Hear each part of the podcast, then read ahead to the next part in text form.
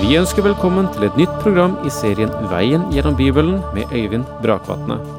Denne studieserien er produsert av P7 Kristen Riksradio og bygger på serien Through the Bible av Vernon McGee. I dag fortsetter vi med tredje Johannesbrev.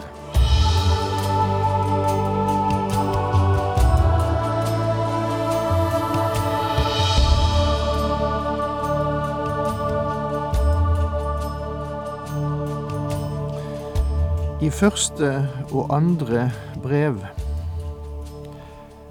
er Johannes opptatt av to helt sentrale kristne begreper, nemlig kjærlighet og sannhet. De utmeisles, utkrystalliseres gjennom disse to brevene. Og når vi da kommer til tredje Johannes brev, får vi se hvordan disse begrepene, eller disse sannhetene om kjærlighet og sannhet, utkrystalliserer seg i menneskeskjebner. Og Johannes tar for seg tre menn i den første menighet. Vi har møtt den første allerede, nemlig Gaius. En vidunderlig personlighet. En av disse særlige hellige i den første menighet. Og man skulle vel ønsket at alle menn i denne menigheten var lik det. Men jeg må dessverre gi tilbakemelding og si at eh, slik var det ikke.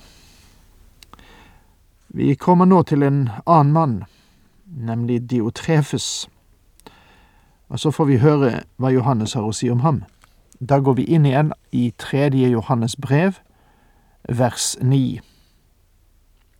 Ja, hvis du nå reagerer på at jeg ikke nevnte kapittel, så skyldes jo det at Johannes eh, tredje brev, så vel som det andre, er bare ett kapittel, og det er faktisk et meget kort kapittel også, bare 15 vers i dette tredje brevet, og vi går altså inn i det niende. Jeg har skrevet noen ord til menigheten, men Diotrefes, som gjerne vil være den fremste der, vil ikke ha noe med oss å gjøre. Johannes skrev fem skrifter i Det nye testamentet.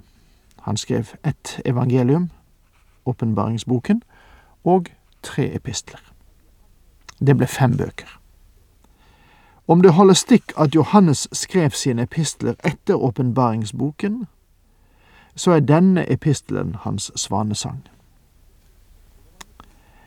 Det ble skrevet mot slutten av det første århundret, og ved denne tiden var det mange vidunderlige troende som var ført til sannhetserkjennelse og utgjorde menigheten. Man kan undre seg på hvordan det gikk med dem. Var de alle modeller for kristen livsstil, klasse én? Var de alle fremstående gudsmenn? Var de verdige Kristi etterfølgere? Vel, noen var det som for eksempel Gaius, som virkelig var Guds mann. Men en mann med mot, en fremstående mann som sto for det Gud ville. Men det var også typer som Diotrefes. Han er helt annerledes enn Gaius. Det som særmerker Diotrefes, er at han elsket å stå i rampelyset. Gaius er den elskede bror, men Diotrefes er diktatoren.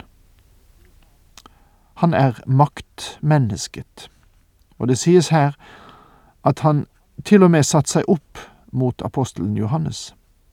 Johannes hadde skrevet til denne menigheten om å ta imot visse menn, blant dem var en fremstående evangelieforkynner, en av disse ukjente Guds hellige, og hans navn var Demetrius. Men Deotrefes ville ikke ta imot ham. Som jeg har nevnt tidligere, praktiserte de første kristne det åpne hjems politikk. Peter nevner det i 1. Peter 4,9. Vær gjestfrie mot hverandre uten å klage. Paulus taler også om det i 1. Timotius 5, versene 9 til 10, i Romerbrevet 12, vers 13 og i Titus brevet, kapittel 1, vers 8. Jeg vet ikke om Diotrefes var det vi kan kalle en yrkespredikant eller en lekmann i menigheten. Men han ville ikke engang åpne sitt hjem for noen av dem som Johannes hadde anbefalt. Han skulle ha tingene på sin egen måte, og det hadde liten betydning hvilket resultat som kom ut av det. I vers åtte appellerer Johannes. Derfor er det vi som må ta oss av dem, så vi kan være medarbeidere for sannheten. For jeg sier til dere alle, mine venner, at det er et veldig behov i dag for Guds barn til å støtte dem som i sannhet vil forkynne Guds ord.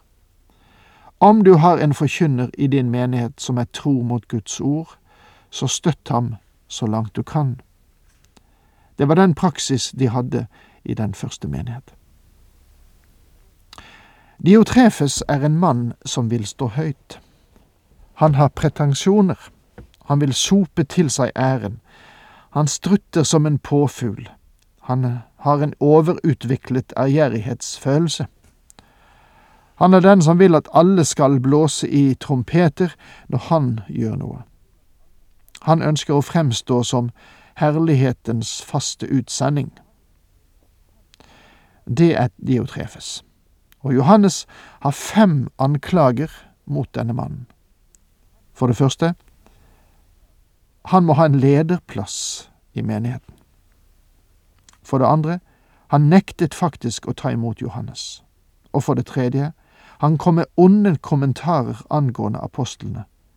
For det fjerde, han nektet å ta seg av misjonærer, de som reiste gjennom landet. Og årsaken synes vel å være at han ønsket selv å stå for forkynnelse og undervisning og bruke noen av dem som han hadde i sin lomme. Og for det femte, han utstøtte, eller ekskommuniserte, dem som tok seg av misjonærene. Med andre ord ønsket Diotrefes å være den første ubestridte hersker i kirken. Ved deg om du forsøkte å sette deg opp mot ham. Om han var en lekmann, så synes jeg synd på ham som var pastor i menigheten. Diotrefes er en av dem som forsøker å holde sin prest eller forkynner godt bevart i sin høyre hånd eller under sin tommelfinger. Han ønsket å trekke i trådene. Diotrefes tålte ikke at hans meninger ble motsagt. Han var selvopphøyende i stedet for selvutslettende. Jeg er sikker på at han ville ha påstått at han hadde utviklet seg selv i stedet for å la Den hellige ånd stelle med seg. Han var selvtilstrekkelig, og jeg tror at han var skyldig i å beundre seg selv også. Diotrefes ville ta hånd om alle forhold i menigheten, så her eh, hadde Den hellige ånd sannelig ikke mye å si. Når jeg sier dette, så undrer jeg på om du kan kjenne igjen denne karen. Kristi menighet er i dag verken ukjent med eller spart for menn som Diotrefes. Menn som absolutt og totalt skal styre kirken eller menigheten. Jeg beklager å måtte si at jeg har støtt på slike misforståtte ledere. Noen av dem har klart å ødelegge menigheter på sin maktsyke vei. De burde ha satt en dobbel strek under Paulus' ord i første Tessalonika-brev kapittel fire vers elleve, der det står Dere skal sette deres ære i å føre et stillferdig liv. Får jeg, om ikke annet så for balansens skyld, si at jeg også har møtt flere av typen fru Diotrefes i dagens menighet. Kvinner som tror de behersker alt, og vil ha sine medsøstre til å lyde seg i ett og alt. Det er noe de har mistet underveis som de burde lete etter med lys og lykte, nemlig kritisk sans. Jeg sier dette fordi det bekymrer meg dypt jeg har møtt bedriftsledere som har kjempet for å tilpasse et produkt for sitt marked. De har laget stadig nye modeller, gjort nye prøver, ofret tid og kapital og oppmerksomhet på å få et best mulig produkt, og av og til har jeg tenkt med meg selv og om bare Guds folk ville arbeide like hardt for å få alt til å samvirke best mulig i hvert møte, hver gudstjeneste, for at Kristi navn kunne få ære. Han fortjener det beste vi har, mine venner. Vi trenger alle å granske vårt hjerte, også vi som forkynnere. Hvorfor står vi frem? Hvorfor leder vi? Hvorfor synger vi? Er du bare tilfreds om du får spille førstefiolin?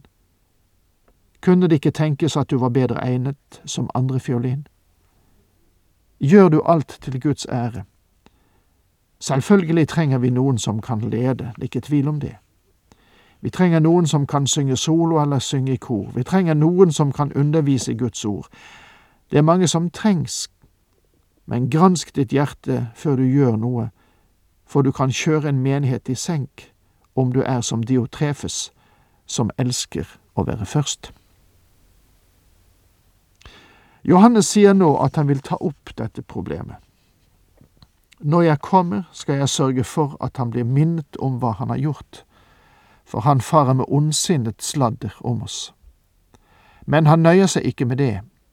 Selv nekter han å ta imot brødrene, og når andre vil gjøre det, hindrer han dem og støter dem ut av menigheten. Når jeg kommer Det virker som Johannes allerede har bestemt seg for å rydde opp i denne saken. Det sier han også gjennom mot slutten av denne epistelen. Om han kom dit, vet vi ikke, men intensjonen er klar. Diotrefes oppførsel er så graverende at dette må ta slutt. Jeg skal sørge for at han blir minnet om hva han har gjort. I kristendom er det viktige, viktige ordet sannhet, og sannhet uttrykker seg selv i kjærlighet. Det er ganske enkelt så enkelt som det, og så viktig som det. Diotrefes elsket å være først, noe som er karakteristisk for kjødet. Åndens frukt er selvbeherskelse, men Diotrefes var en diktator. Selvbeherskelse betyr ikke nødvendigvis svakhet eller feighet. Det er leit at det ikke var noen som mannet seg opp til å tale mot Diotrefes i menigheten. Moses ble ansett å være en ydmyk og tålsom mann, men når han reiste seg og talte til Israels barn, så lød han ikke så særlig ydmyk etter vår definisjon av ordet ved visse tilfeller. Han talte med den autoritet Gud hadde gitt ham. Den Herre Jesus var ydmyk av hjerte, men han dro inn og renset tempelet. Og det er årsaken til at jeg mener det er min plikt å tale ut også om dette Johannes sier her, for det er veldig få som vil ta slike ord i sin munn, så langt jeg vet. Når noen skader våre menigheter, burde noen si, hør her, min bror eller søster, sett deg ned, du ødelegger ting, du må, bli, du må bli kvitt kjærligheten til alltid å være først. Hjelp andre frem i stedet for alltid å hjelpe deg selv frem. Og med det må vi faktisk si takk for nå. Herren med deg.